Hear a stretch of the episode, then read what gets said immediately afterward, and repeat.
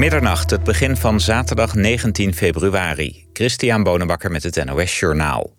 De hulpdiensten hebben opnieuw meerdere huizen in de omgeving van de Elandkerk in Den Haag ontruimd. Gevreesd wordt dat een van de kerktorens kan instorten. Eerder op de dag werd een deel van de straat rond de kerk al afgezet, maar dat werd later weer vrijgegeven omdat deskundigen hadden geconcludeerd dat er geen gevaar was. Maar volgens de brandweer kan de Haagse kerk toch instabiel worden, omdat er door de storm diverse stukken van het dak zijn gevallen. De bewoners van zo'n 20 huizen moeten de nacht elders doorbrengen. De komende ochtend rijden er nog geen treinen vanwege stormschade, meldt ProRail. Er liggen veel bomen en andere dingen op het spoor. Op sommige plekken is de bovenleiding beschadigd. Het is onduidelijk wanneer de treinen wel weer kunnen gaan rijden. Ook op de weg zal in de ochtend nog niet alles bij het oude zijn. In het hele land, maar vooral in de kustprovincies, zijn vrachtwagens gekanteld. Pas als die zijn weggehaald is goed te zien of er schade is aan de weg. President Biden zegt dat Rusland met een inval in Oekraïne verantwoordelijk zal zijn voor een catastrofale oorlog. Hij is ervan overtuigd dat president Poetin al tot een offensief besloten heeft, met als doel de hoofdstad Kiev. Biden benadrukte wel dat het voor Moskou nog niet te laat is om te deescaleren door middel van diplomatiek overleg. Rusland zegt juist bang te zijn voor een Oekraïense aanval op Donetsk en Luhansk, de twee Oost-Oekraïnse regio's die zichzelf onafhankelijk hebben verklaard. De lokale leiders hebben besloten de bevolking te evacueren. De eerste bussen met inwoners zijn aangekomen in de Russische stad Rostov.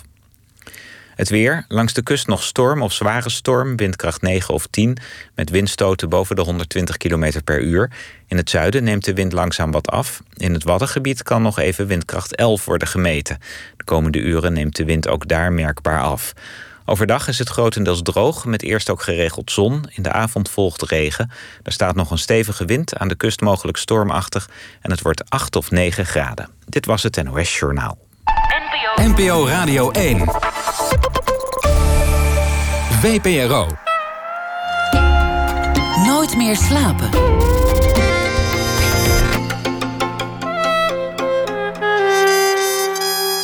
Met Lotje IJzermans. Een veilige jeugd vol liefde en vrouwelijkheid. Dat is wat je iedereen gunt. Dat het vaak anders loopt, weten we. Maar we lezen er zelden zo indringend en beklemmend over als in Wat je van bloed weet. Het nieuwe boek van mijn gast van vanavond, Philip Huff. Het is na Dagen van Gras, Niemand in de Stad en Boek van de Doden zijn vierde roman. En ook zijn meest persoonlijke tot nu toe. Want Huff beschrijft zijn eigen jeugd in een gewelddadig Goois gezin en de effecten daarvan op de lange termijn. Dertien jaar deed hij erover om de juiste toon en vorm te vinden voor dit boek. Dat niet zomaar autobiografisch is, maar zijn eigen emotionele waarheid vertelt in de vorm van een literaire roman.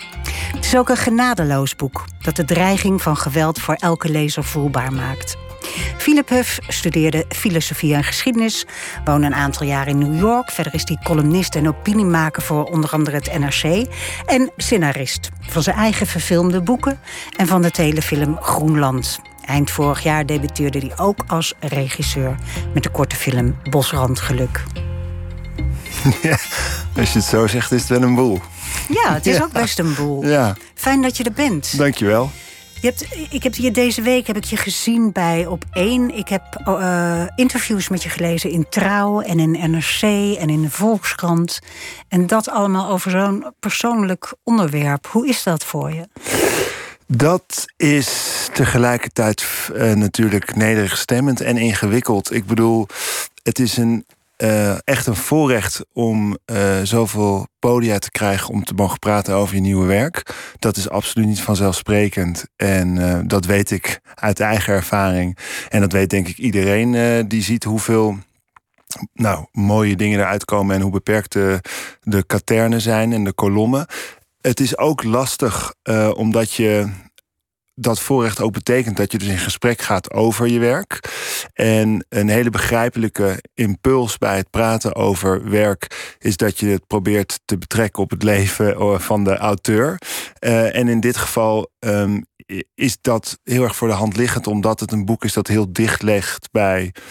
Um, mijn emotionele waarheid over de ervaringen van mijn jeugd. En daardoor ook een beetje nog altijd een open zenuw is. Dus dat betekent. Ja, dat, dat vroeg ik me ook af hoe het voelt om daarover te praten. Want ik kan me ook voorstellen dat je die herinneringen jarenlang met een laagje stof uh, achter een, een deurtje opgesloten had en er niet vaak over praten.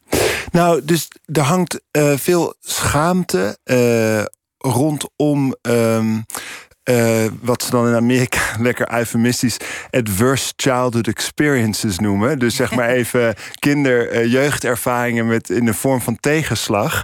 Um, en dat zeg ik nu lachend. Uh, maar ik weet dus hoe, uh, hoe dat trauma um, je kan het zwijgen kan doen opleggen. Dat begint al als je jong bent, als kind, uh, en je ouders uh, gewelddadig of niet goed zijn met elkaar, of je verbaal en fysiek niet goed met elkaar en naar de kinderen, omdat daar al schaamte is, omdat je ouders in mijn, hè, dus mijn ervaringen, helaas komt huiselijk geweld natuurlijk in allerlei verdrietigmakende variaties, maar dat dat ook absoluut niet buiten de deur besproken kan of mag worden. Ook een soort sociaal ongemak in de omgeving van mensen die het wel weten, die daar toch ook niet, over, ook niet over beginnen. Uit schaamte, uit uh, denk een overdreven respect voor wat er achter de voordeur bij anderen gebeurt. Um, dus dat begint al heel vroeg, die, die schaamtecultuur rondom uh, wat ik nou maar even plat dit thema noem. En dat wordt eigenlijk niet minder naarmate je ouder wordt, omdat. Um, nou, zeker als puber en als tiener, uh, je natuurlijk sowieso al in een, een strijd met je ouders uh, zit om los te komen. Uh, en ik denk dat dat beter gaat vanuit veilige hechting dan vanuit onveilige hechting omdat je voor het eerst op het punt komt dat je je ouders uh, fysiek en verbaal uh, gelijker, uh, gelijk bent. Of gelijker, als, dat, als ik dat zo mag zeggen. En als student en later als twintiger en dertiger en verder kan ik het nog niet inschatten. is dat iets wat je dan graag achter je wil laten. En waarvan ja. je ook niet wil dat het je definieert in gesprekken. Uh, en ook als je het aan mensen vertelt, uh, je, uh, ik, ik, de, dat je dan een label krijgt van, um, van iemand die een, een niet zo prettige jeugd heeft gehad. Ja. Weet je wat grappig is, Filip? Je praat nu hetzelfde als in je boek, in de je-vorm. Ja.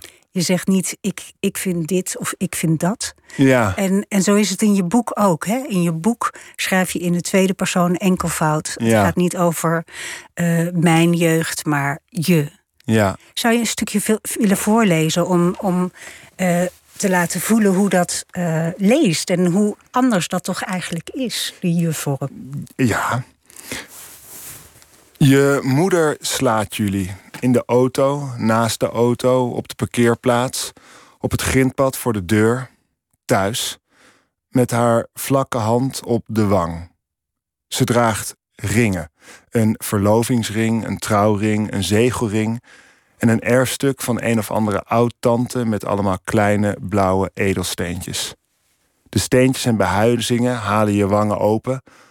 Dat doet meer pijn dan de klap. Ze kan door het huis achter je aanrennen, de kamers door, de hal in, de trap op. Dan trek je boven in de gang alle deuren dicht, vlucht je kamer in en duikt achter je bureau. Tussen het schuin aflopende dak en de achterkant van een van de twee ladekasten, waarop een breed houten blad rust.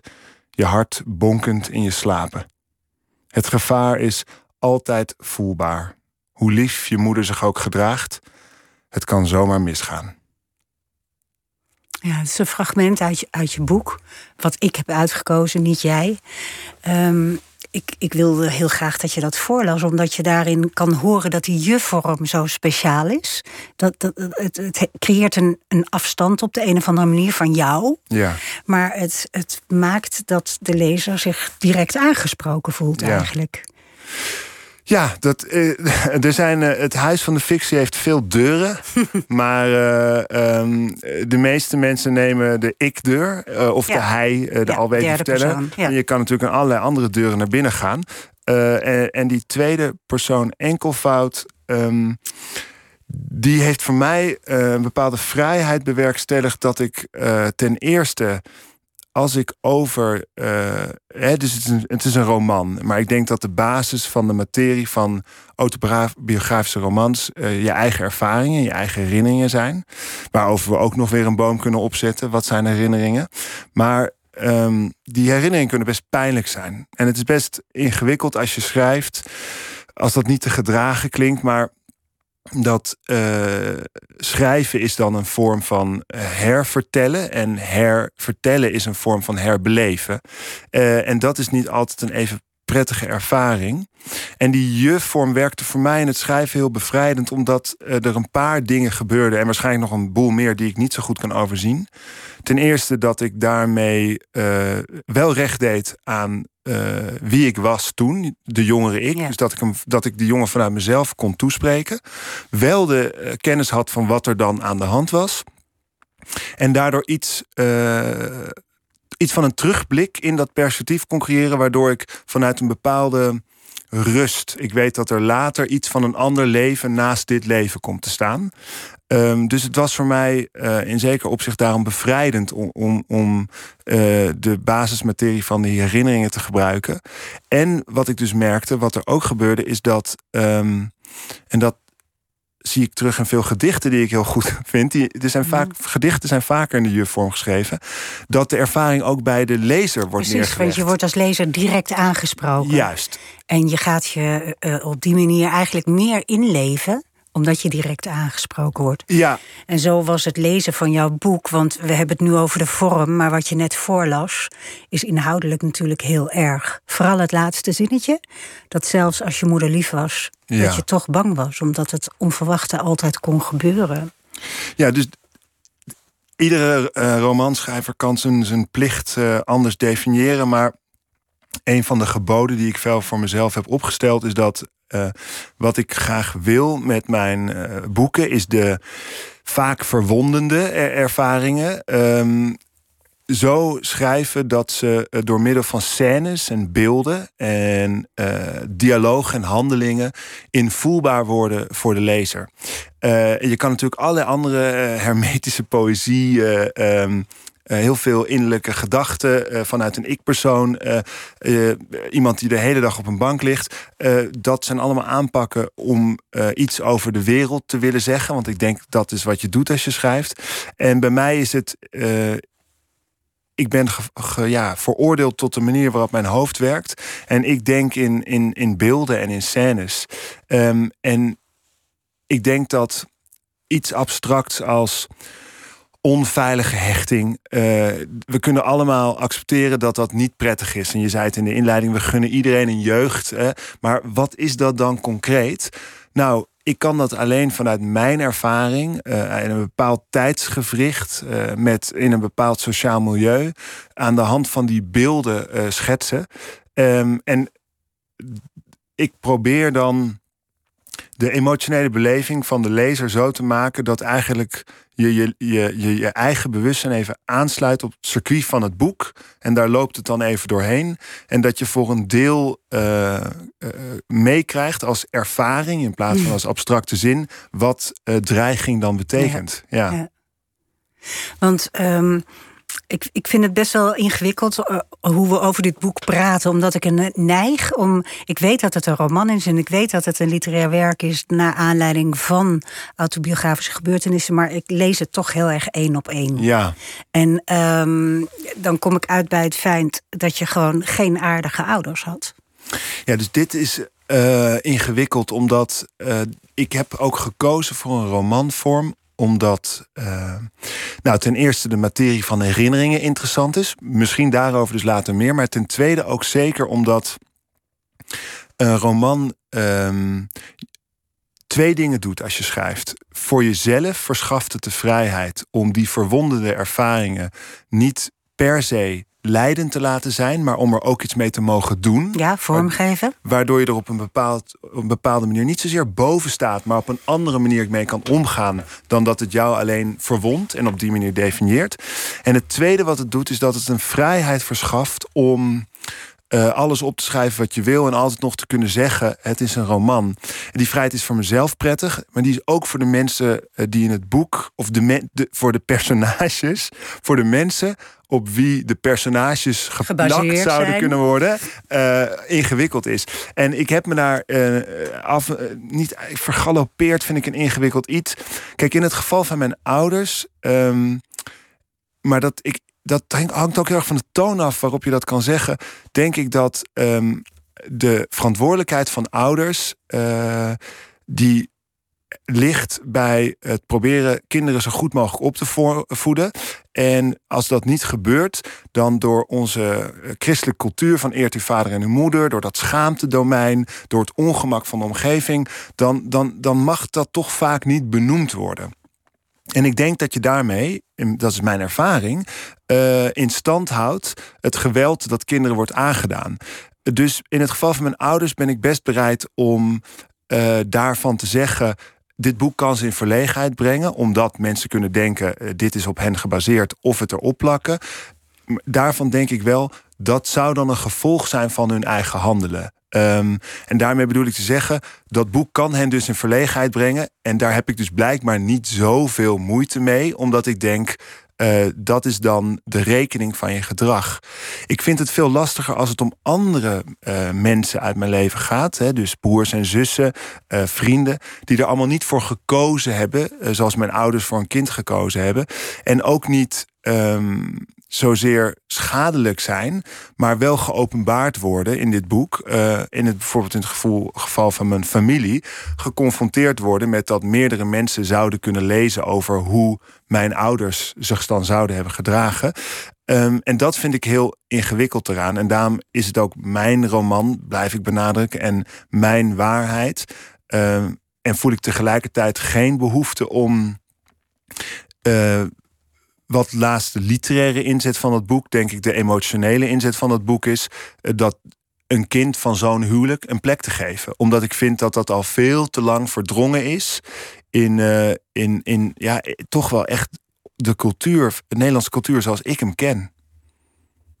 En als je dat op jezelf uh, concreet maakt, wat je nu zegt, dan kom ik. Uh, ik hoop dat het boek dat goed schetst. Um, uit een uh, milieu waar we de nu vrij problematische zeven vinkjes dan maar even opplakken. Ja, dat uh, naar aanleiding van het boek van Joris, Joris. Ja, dan kom ik dus uit een geprivilegeerd milieu. Uh, uh, met uh, nou, uh, zegelringen, erfstukken. We hebben het net allemaal voorgelezen. in, uit het, hier niet ver vandaan, het gooien. En ook nog eens een, een geprivilegeerd, best wel ook in Nederland zelfs nog rijk milieu.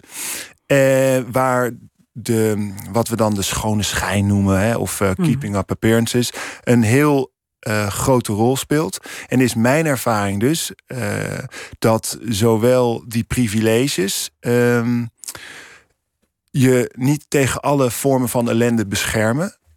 En ook dat, sterker nog, dat milieu daar nog eens een, een, een, een, een haag van rhododendrons omheen plaatst, waar we niet doorheen mogen kijken.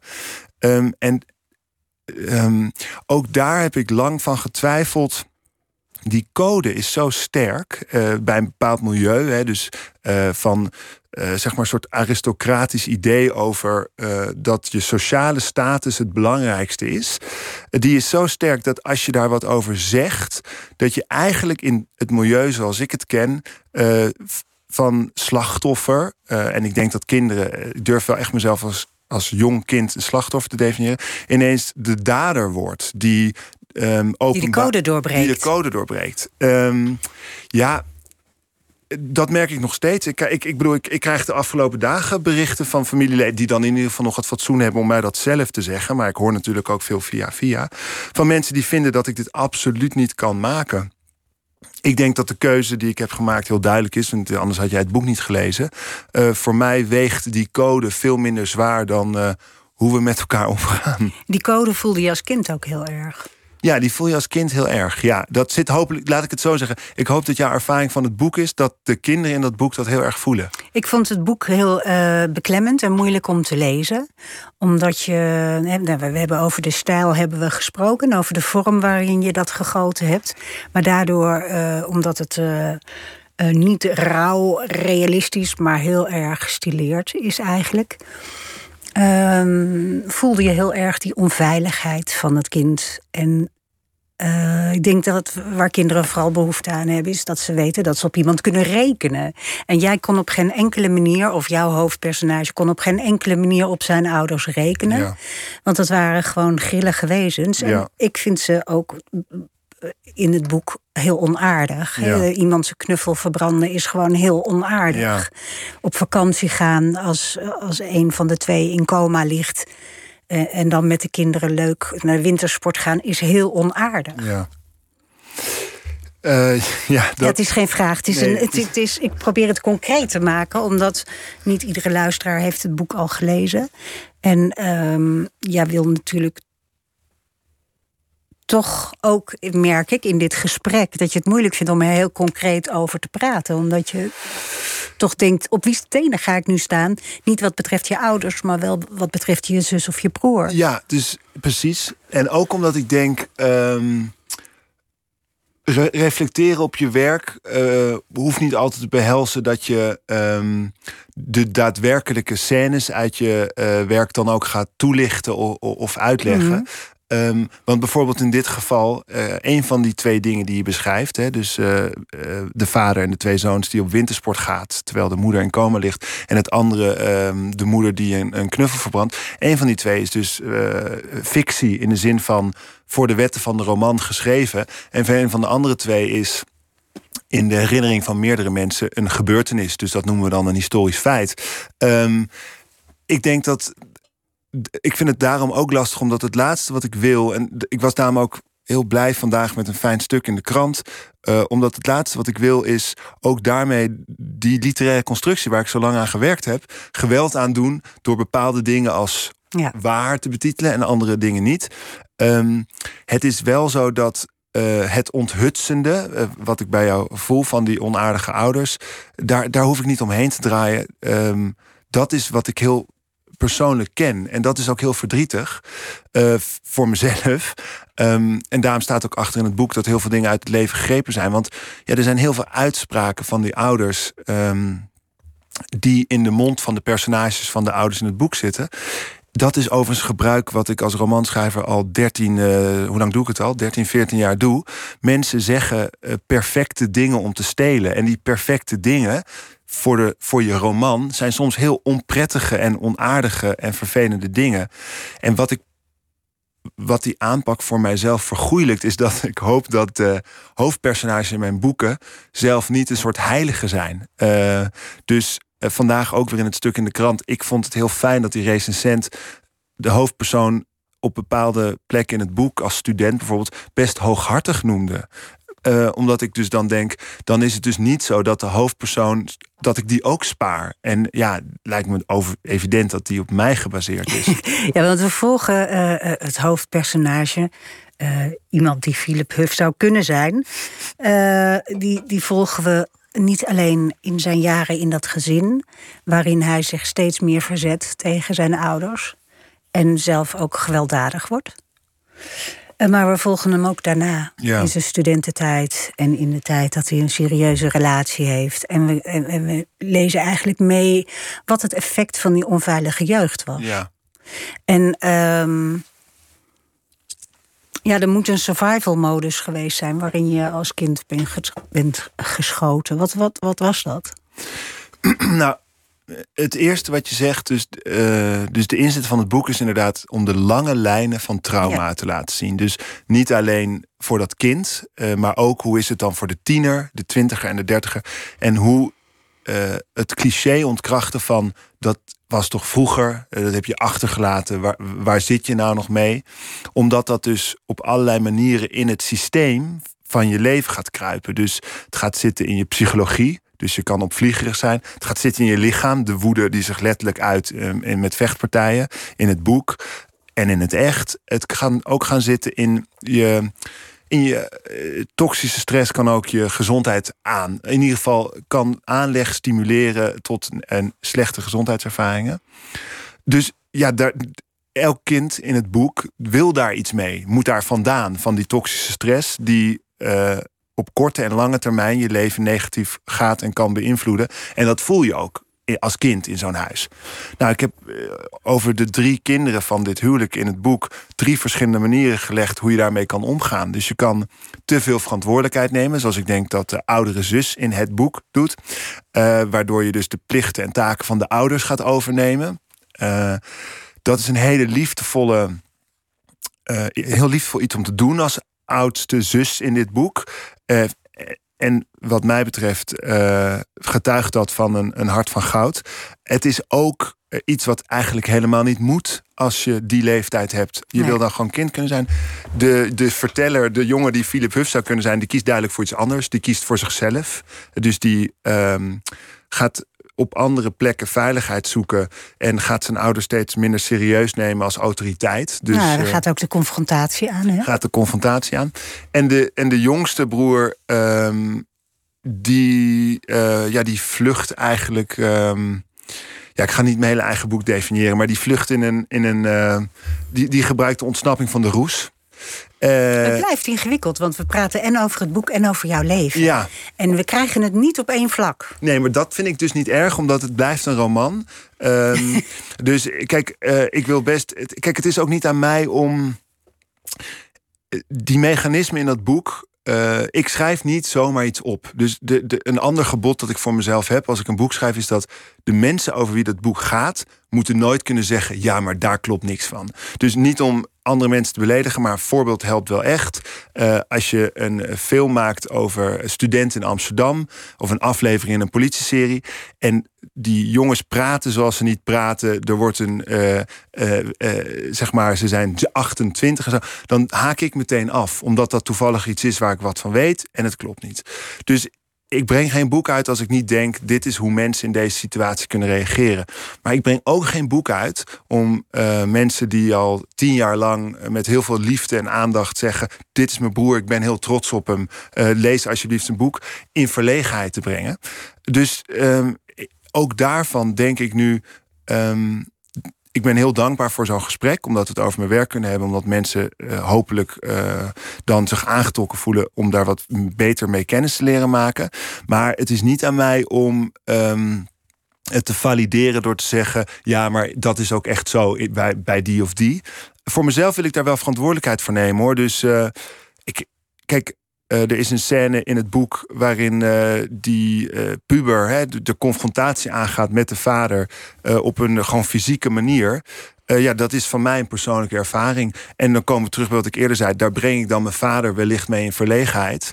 Maar dan denk ik, ja, ik heb al zoveel e-mails gehad van mensen die soortgelijke ervaringen hebben. En die zich ook opgesloten voelen in, in, in dat zwijgen, dat schaamte en die, die vader. En andere mensen zeggen: Ja, ik wacht misschien tot mijn ouders zijn overleden. En dan denk ik: Ja, als iedereen dat doet, dat schiet allemaal helemaal niet op. Dus het is een beetje een, een, een, een balans die ik moet vinden. Uh, en waarvan jij mij mag zeggen of het uh, gaat of niet. Ja, ik vind het ingewikkeld. Omdat ik um, natuurlijk ook. Uh, over de persoon Philip Huff wil ja. praten. En uh, een groot deel daarvan zit in jouw boek. Ja. En um, wat mij betreft mag het uh, ook wat concreter. nou, ik, ik luister. Goed.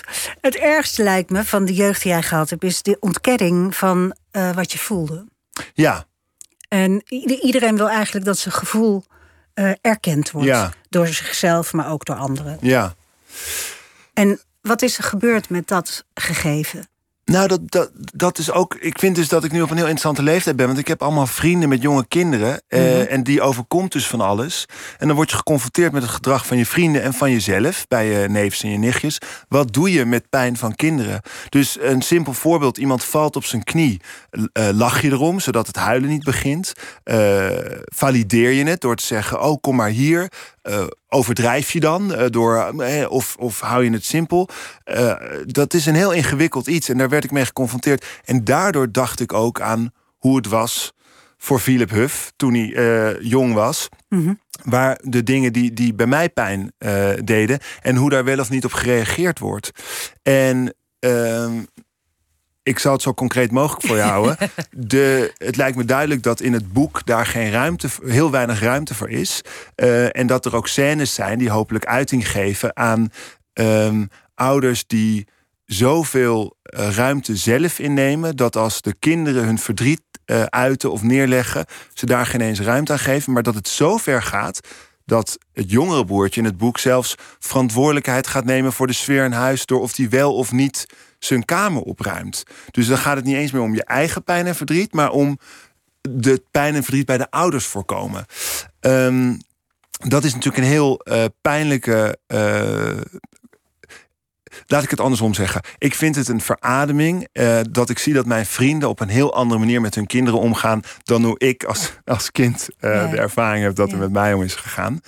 Um, en daar iets wezenlijks over willen zeggen, uh, kan volgens mij het beste voor mij in een heel concreet boek. Omdat scènes en handelingen op, komen in, het, voor in je hoofd, als je dit boek leest, hopelijk helder tot leven.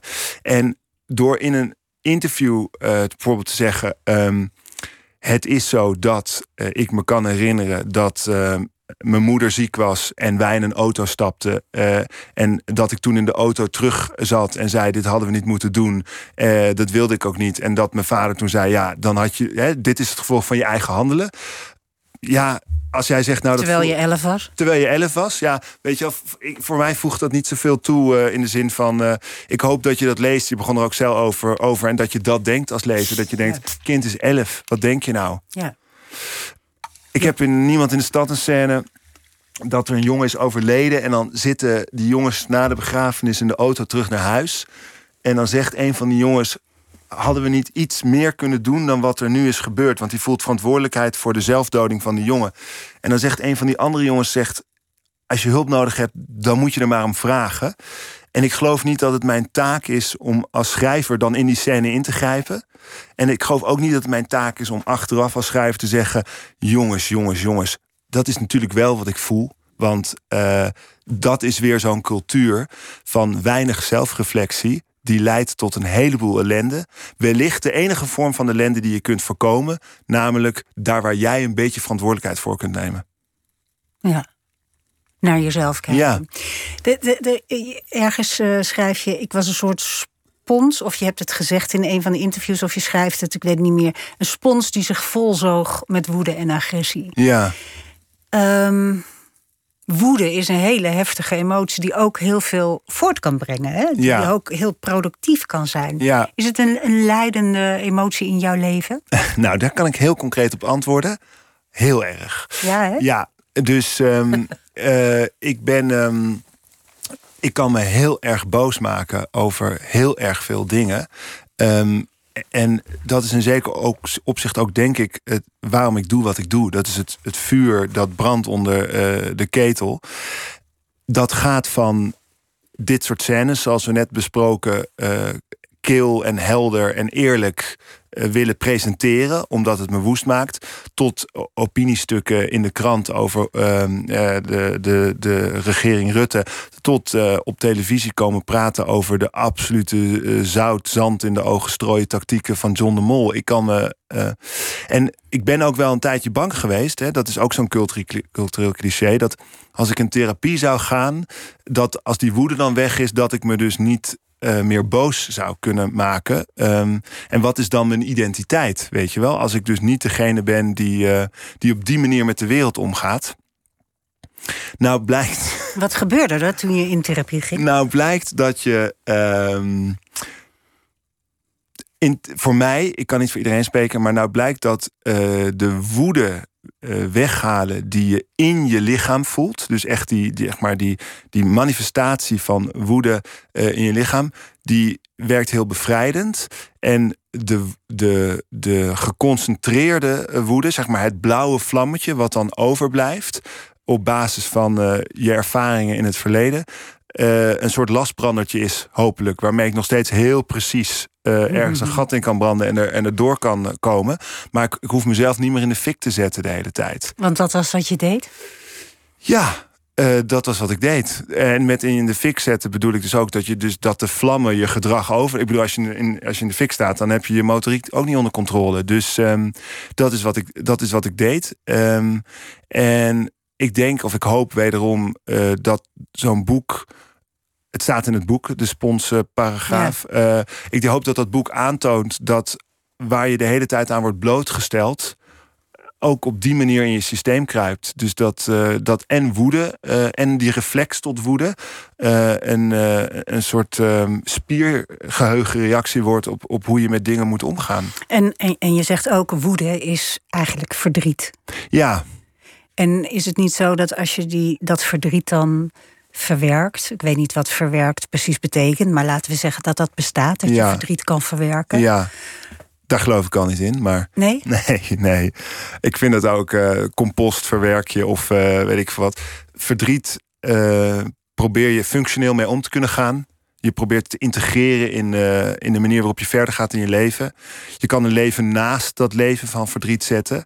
Maar uh, om het concreet voor jou te houden. Het is een onweerlegbaar uh, gegeven dat elke verjaardag die ik heb, elke kerst die er is, elke nou, grote momenten, altijd weer een confrontatie zijn met tekortkomingen van je jeugd. Dus uh, alleen de mate waarop je daarop reageert en de mate die je verantwoordelijkheid die je daarvoor voelt, die kan je natuurlijk wel proberen te beïnvloeden. Uh, door te denken: het is niet mijn verantwoordelijkheid. En ik hoop dat het boek dat ook aantoont. Om op deze manier voor mijn ouders te zorgen. Sterker nog, het was de verantwoordelijkheid van mijn ouders eerder om beter voor mij te zorgen. Um, dus ik geloof niet in uh, verdriet verwerken. Uh, en ik ben ook altijd, ook daarom heb ik dit boek geschreven. Ik ben ook altijd een beetje boos als mensen dat zeggen. Tegen mensen met diep trauma. Ik ben ook boos als mensen zeggen dat dat diepe trauma je vergoed definieert. Dus dat als je zo'n jeugd hebt gehad als ik, dat je dan nooit kunt lachen of een comedy zou kunnen schrijven. Um, maar de, de, de, de werkelijkheid is natuurlijk dat al die sporen parallel in je leven meelopen en op gezette tijden weer opspelen. En ik gun uh, de hoofdpersoon, die daar eerst niet naartoe wil, uh, liefdevolle mensen in zijn omgeving, want die zijn er ook echt, ook in mijn leven, uh, die zeggen: probeer nou, waar we het net over hadden, dat beetje verantwoordelijkheid te nemen wat je kunt nemen, namelijk voor die woede die je voelt. Want woede, zoals jij zei, is natuurlijk een vorm van gestold verdriet. Het komt ergens vandaan. En verdriet is onvrede met dat iets niet is zoals je zou willen dat het zou kunnen zijn. Um, dus die, die verantwoordelijkheid daarvoor nemen, uh, en proberen die woede om te zetten in vloeibaarder verdriet. Uh, dat is in het boek hopelijk uh, gemotiveerd vanuit de romantische liefde. Maar dat hoeft heus niet altijd zo te zijn. Kan ook de liefde, kan allerlei vormen van liefde zijn. Die kan je bevrijden uit, uit, uit dat gestolde verdriet. Kan dat verdriet een beetje laten wegvloeien. Maar laat de, zeg maar, afgezette lagen van en ingegroefde lagen van dat verdriet, dat gaat niet meer weg. Die zitten daar. Die zitten daar, ja. En dat is jouw brandstof. Nou, dan, ja, dat, ik denk dat we dat vanavond weer definiëren. Uh, dat is mijn vertrekpunt. Uh, uh, ik weet niet meer welke Britse schrijver, maar die hebben toch altijd wel de neiging om, om tragische dingen toch een beetje grappig te zeggen. Die zei zoiets van een slechte jeugd is een goudmijn voor een schrijver. Ja, dat is het Dat cliché. is ook zo natuurlijk. Ja. ja. voor elke kunstenaar trouwens. Geloof ik. Ja. Uh, je hebt ook uh, uitgevonden dat hoe meer trauma's, hoe meer gezondheidsproblemen. Um, ik wou dat ik dat had uitgevonden. Nee, nee, nee, dat, dat heb je benoemd. Ja. Uh, als je kijkt naar die woede, die, die kan zich ook naar binnen keren. Ja. En uh, jij bent hartpatiënt geworden. Ja. Denk je dat er een, een, een verband uh, bestaat tussen die woede en je jeugd en het hartpatiënt zijn? Dat denk ik wel. En ik hoop ook dat het boek die context in de context van het boek dat het aannemelijk wordt. Um, is een, in de, hè, er zijn er 2 miljoen van verkocht in de coronatijd. Een Nederlandse hoogleraar in Amerika, Bess van der Kolk. De vertaling heet Traumasporen. Aan de andere kant van Amerika heb je bij de Mayo Clinic en Naomi Burke Harris, met, waar we het over hadden, die mm. Adverse Childhood Experience. Dus een hele grote uh, dataset die een correlatie aantoont tussen uh, traumatische jeugdervaringen en gezondheidsklachten op latere leeftijd. Um, in het boek is het één ding. Ik zal het helemaal bij mezelf houden. Want we ontkennen niet dat ik een traumatische jeugd heb gehad. Um, ik denk niet dat dat één op één betekent dat je dan hartklachten krijgt. Het is wel zo dat de correlatie met bloed- en hart- en vaatziekten heel groot daarbij is.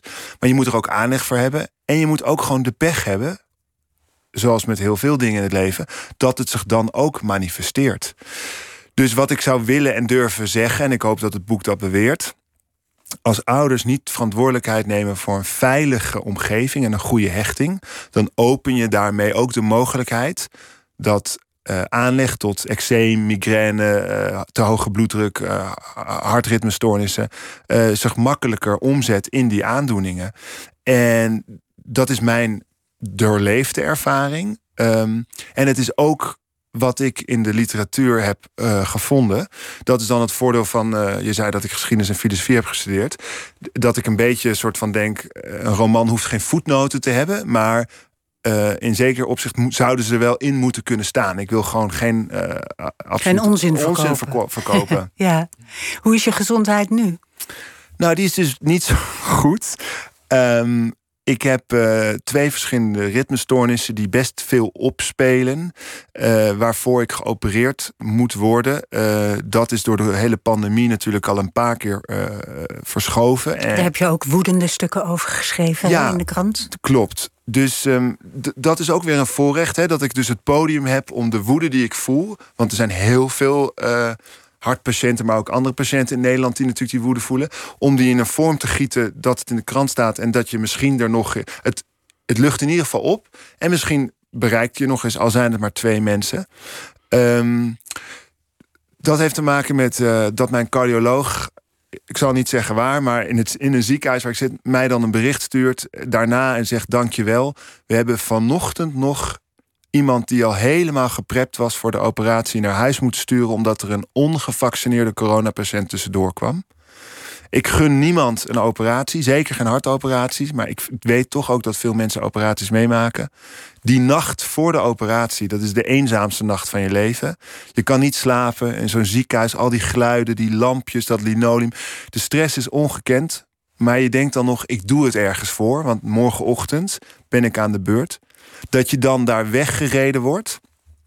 En dat je dan onderweg naar de OK terug moet en naar huis gestuurd wordt. Omdat er iemand op een IC-bed komt te liggen, ongevaccineerd en daardoor wel vaak 14, ik weet nu de getallen meer, maar ik geloof rond de 14 dagen daar zal liggen.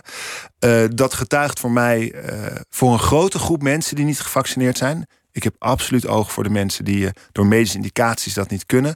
Van een egoïsme dat ik in de krant dan probeer duidelijk te maken. Omdat niet iedere hartpatiënt die daar wordt weggereden hetzelfde podium heeft als ik om daar zoiets over te zeggen. Um, dus die frustratie uh, is hoogst persoonlijk, maar is volgens mij ook wel gelegitimeerd om iets te zeggen voor een grote groep mensen ik baal natuurlijk zelf van. Uh, ik, ik heb van mijn 19 al hartklachten. Dus ja, ik zit op de afdeling cardiologie. Als, op mijn 19e zat ik daar. En dan krijg je heel veel meewarige blikken. Omdat uh, ja, in onze versie van een 21ste eeuws welvaartsstaat iemand van 19 nog niet met hartproblemen hoort te kampen. Ik leg de verantwoordelijkheid daarvoor heus niet volledig bij mijn ouders. Zo kortzichtig ben ik niet. Uh, in sommige interviews wordt het eh, soms allemaal een beetje scherp ingezet. En dan mag je later in het interview het wat beter uitleggen. Um, ik zeg alleen, uh, het is voor mij in de ervaring van mijn leven onweerlegbaar zo dat onveilige jeugd op latere leeftijd niet bevorderlijk is voor je gezondheid. Um, ook daarom schrijf ik dit boek. Het is een literair roman, het is geen pamflet. Ik hoop dat mensen door de ervaring van het boek meekrijgen wat er achter al die voordeuren gebeurt. En dat die sociale schaamte en dat ongemak misschien maar ondergeschikt moet zijn aan het welzijn van kinderen nu. En dus als ze straks 35, 36, 37 ben ik al, 37 zijn. Ja. Ja. En je wacht nu nog steeds op een hartoperatie? Ja, maar nou word ik begin maart gebeld. En nou is mijn ervaring, want het wordt niet mijn eerste operatie, dat als je gebeld wordt, je meestal een week of zes later aan de beurt bent. Dus de finishlijn komt nu wel in zicht. Overigens uh, geloof ik, ik klop het af en ik heb er ook niet uh, alle verstand van, maar dat dat voor de hele pandemie een beetje, dat we naar een andere ja. fase van omgang daarmee Daar kunnen gaan. Op, Daar lijkt het op, ja. ja. Um, die woede, hè? Dat is een motor. Zorgt het ook dat je, dat je daardoor een soort bewijsdrang hebt? Um, of niet, niet, niet door die woede natuurlijk, maar door wat er daarvoor, waar, waar die woede aan uh, door ontstaan is? dat is nou een goede vraag. Ehm, ik weet dat toen Niemand in de Stad uitkwam, uh, is je tweede roman, hè? Tweede roman. Uh, mijn eerste roman was veel beter gegaan dan ik ooit had vermoed. Uh, dus ik was ineens schrijver en ik verdiende er wat geld mee. En dan kon een tweede roman schrijven. Een dikker, ambitieuzer boek in zeker opzicht. En dat boek kwam op een donderdag uit, denk ik. En op woensdag stond er een groot stuk in de krant... dat niet zo positief was over het boek. En ik weet dat ik dat zag en dat ik gewoon dacht... ja, dat boek is veel beter dan dat. En dat heb ik vaker gehad in mijn leven. Dat ik een, uh, een, een nou wat ik dan maar even uh, prettig op bepaalde momenten, soms storende, dosis zelfvertrouwen heb. En dat is denk ik omdat ik al vroeg, uh, ga ik mezelf psychologiseren, heb besloten dat waar je normaal gesproken je goedkeuring en validatie vandaan haalt en tegenop kijkt en een voorbeeldfunctie, je ouders, ja. je ouders, dat ik het daar niet van wilde hebben. Dus dat ik dat meteen bij mezelf heb gelegd. En dat ik voor mezelf heel streng ben en uh, wat milder uh, voor anderen. Niet altijd, maar ik probeer in het dagelijkse leven bij de bakker heel mild te zijn. In de krant ga ik er wat harder in. Uh, dat ik die, door die strengheid en zelf een bepaalde mate van kwaliteit van mezelf eis. En dat is een vorm van bewijsdrang, denk ik. Omdat ik wil dan alleen een boek uitbrengen als ik denk dat het ja, even onontkoombaar als goed is. Dus, um, en dat heeft er bijvoorbeeld mee te maken als ik een boekwinkel binnenloop en ik zie al die boeken, dan denk ik. Als hier dan nog een boek bij moet van Philip Huff, dan moet het wel echt een heel goed boek zijn. Anders kan je het beter laten. Dus er is iets met hoe goed ik iets wil doen. Um, of wil laten zien dat ik inderdaad mezelf als autoriteit kan nemen. En waar ik vandaan kom. Um, en volgens mij kan ik dat dus best functioneel inzetten. Ja, ja. Minder functioneel kan ik het soms inzetten als ik. Um, nou goed, wat ik ook in het boek heb geprobeerd te verwerken. Er zijn ook momenten in mijn leven geweest dat ik uh, dat die hooghartigheid, uh, echt empathie en inlevingsvermogen voor anderen, bij andere mensen in de weg uh, zat. Ja. Ja. ja, je zegt ook ergens van ik, ik gun iedere student zijn hooghartigheid. Ja, hè? ja. Um, vond ik een op, uh, opvallend uh, zinnetje. Nou ja, we hebben dat kunnen lezen in het boek Niemand in de Stad. Die, dat er ook verfilmd is door, uh, door Michiel van Erp. Ja. Waarvoor jij zelf het scenario hebt geschreven. Wat, wat, ja, wat, wel, in welke sfeer we dat zinnetje nou, moeten ja, lezen. Maar, ja, maar ik zou het eigenlijk voor elke sfeer en elke vorm van student... Kijk, ik denk gewoon als je. En waarom zou je iemand hooghartigheid geven? Nou, met die hooghartigheid bedoel ik dat studenten denken dat de wereld best wel om hen draait. En dat je dus uh, de stad voor een groot deel van jou is. En ja. uh, die vrijheid, vlak nadat je thuis hebt gewoond, die vind ik eigenlijk best wel leuk voor mensen. En later komt echt wel de, de humbling van ja, de wake-up call, die komt wel. Ja. Maar dat je even alle studenten, studentenverenigingen of niet, een mate van functionerende narcisten zijn, heb ik ook wel gezegd. Dat vind ik eigenlijk heel leuk. Omdat je dan ook, als je jezelf even in het middelpunt stelt, je ook even een spoedcursus kunt krijgen. Wie ben ik dan? Wat voor fouten maak ik dan? Wat leer ik daarvan? En wie wil ik zijn? En in het latere werkende leven komen er allemaal andere uh, nederig stemmende ervaringen bij. Ja, het is ook dat je dan denkt, hè, op die leeftijd denk je, ik weet hoe de wereld in elkaar zit. Ja. Terwijl hoe ouder je wordt, hoe minder je dat eigenlijk weet. Ja, dus dat ik, je dat durft toe te geven. Juist, ja, ja. ja. Dus ik snap het wel hoor. Ja. Um, je bent vanuit datzelfde zelfvertrouwen ben je naar New York gegaan. Op een gegeven moment dacht je, ik ga gewoon in het Engels publiceren en ik ga hier een deuk in een pakje boter slaan. Um, nou, ik had de scenario-opdracht voor niemand in de stad en voor een televisiefilm Groenland. Dus ik had twee scenario-opdrachten. Ik dacht, dat kan ik overal doen. En ik wilde gewoon best wel graag uh, een keer echt in een miljoenenstad wonen. En die hebben we in Nederland niet. Ik had na mijn studio een jaar in Berlijn gewoond. Dus ik dacht, uh, ik, ik, ik ga in New York wonen. Maar je wilde ook wel echt in het Engels publiceren, Dat toch? was toen nog niet het plan. Oh, okay. Maar dan ontmoet je een Amerikaanse agent en die zegt, why not? Uh, nou, en dat begint dan met... ik heb wat stukken geschreven voor de Paris Review en de New York Review of Books. En dan dan begint het weer met die uh, manifestatiedrang. Dan wil ik ook kijken of Ja. dat kan. Lukt het mij om in een Ja. andere taal, in, in een vooraanstaand tijdschrift daar dan ook wat gepubliceerd te krijgen? Ehm, nou, ik vond dat een uitdaging om eens te kijken, kan ik op dat niveau meedoen? New York is verder een ongelooflijk interessante stad, omdat het het eh, echt daadwerkelijk het slechtste en toch ook wel het beste vind ik een ingewikkeld woord, maar heel veel vormen van excellentie van mensen laat zien. Dus je kunt daar naar de allerinspirerendste voorstellingen, muzikanten. Uh, uh, ik, ik was daar naar uh, een, een, musical, Hades Town, in de New York Theater Workshop. Dus die werd toen echt nog geworkshopt. ik denk met honderd man in een piepklein theater. Het was zo ongelooflijk ontroerend. En dan twee jaar later is dat negen of twaalf Tonys gewonnen. Dus je zit echt in, de, in, de, in, de, in, het, centrum. in het centrum. En tegelijkertijd is het een bunkerharde maatschappij waar het kapitalisme echt levens uh, vernietigt. Uh, en in dat opzicht was het ook een louterende en oog eye-opening experience.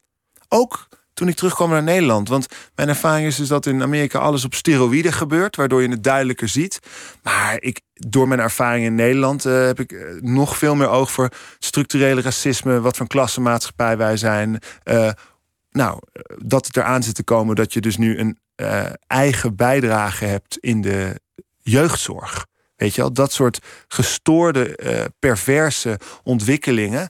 Um, dat, dat heb ik in Amerika uh, gezien, wat er gebeurt als je het kapitalisme ongebreideld zijn gang laat gaan. Ja, het is een soort voorproefje van wat ons te wachten staat als ja. we zo neoliberalistisch ja. doorgaan. Ja. ja. ja. Je, je, je, je bent teruggekomen. Ja. Want het was niet.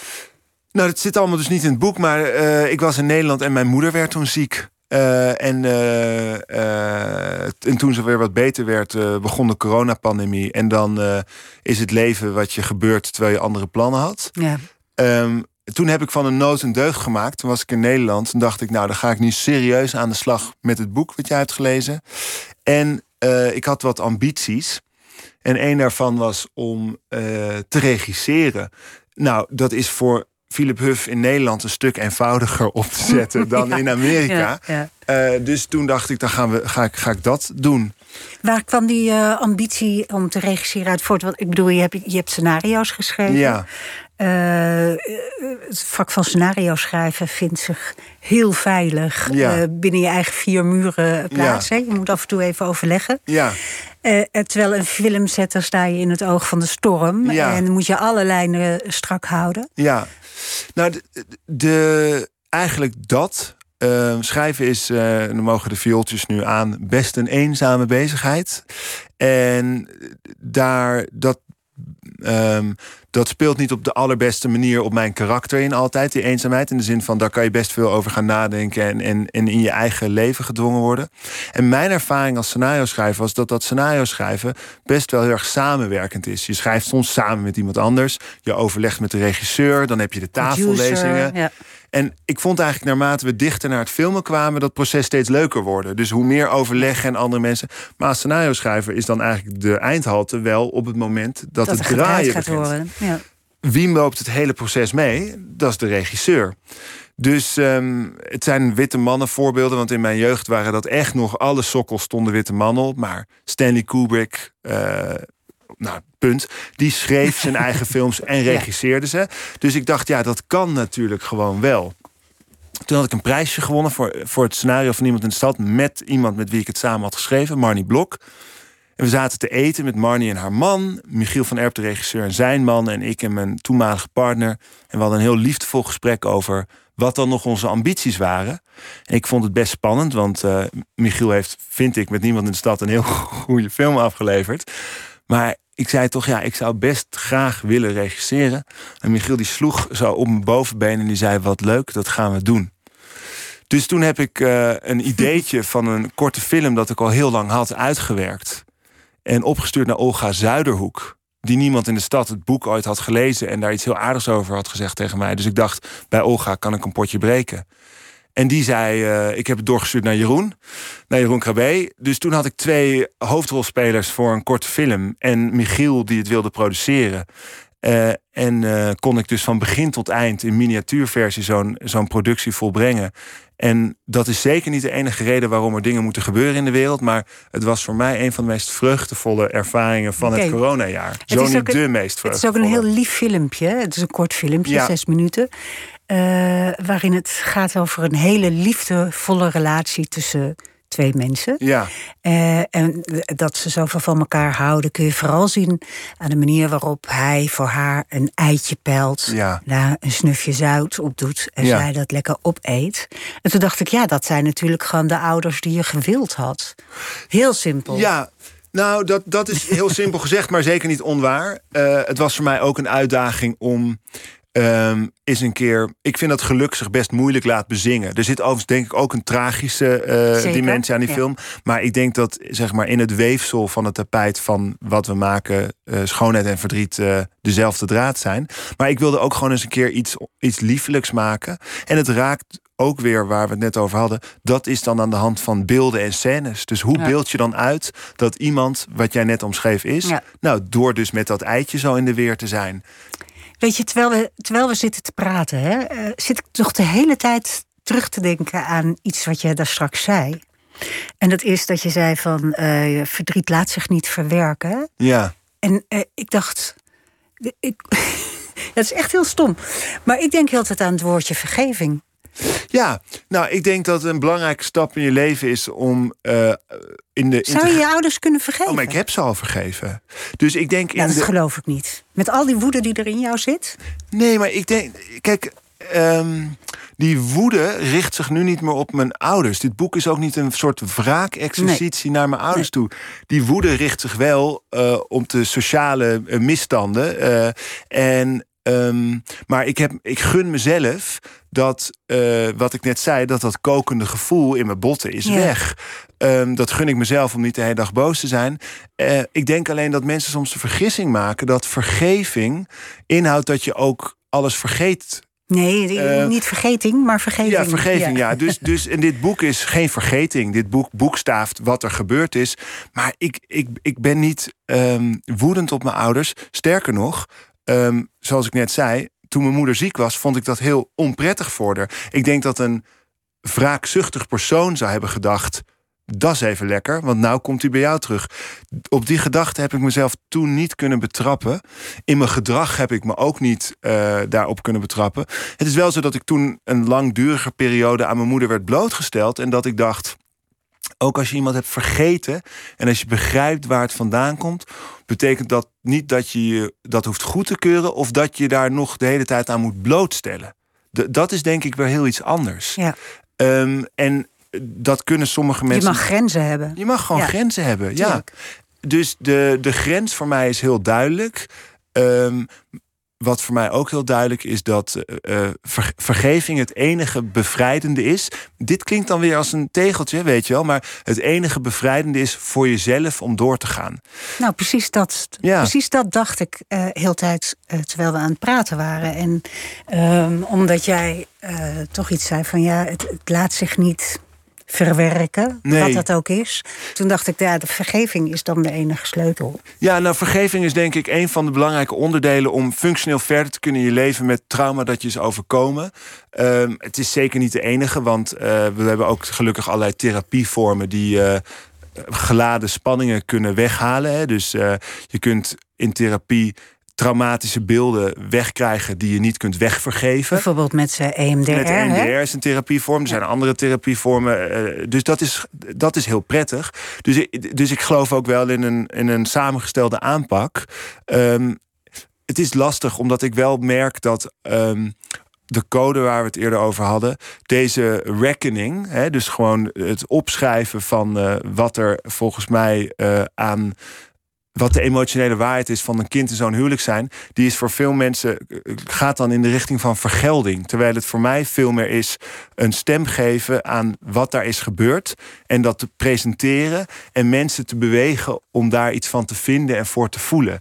Ehm, want als we alles, eh, zeg maar, vergeving hoeft niet in te houden dat er geen rekening is van iets, vindt in mijn optiek.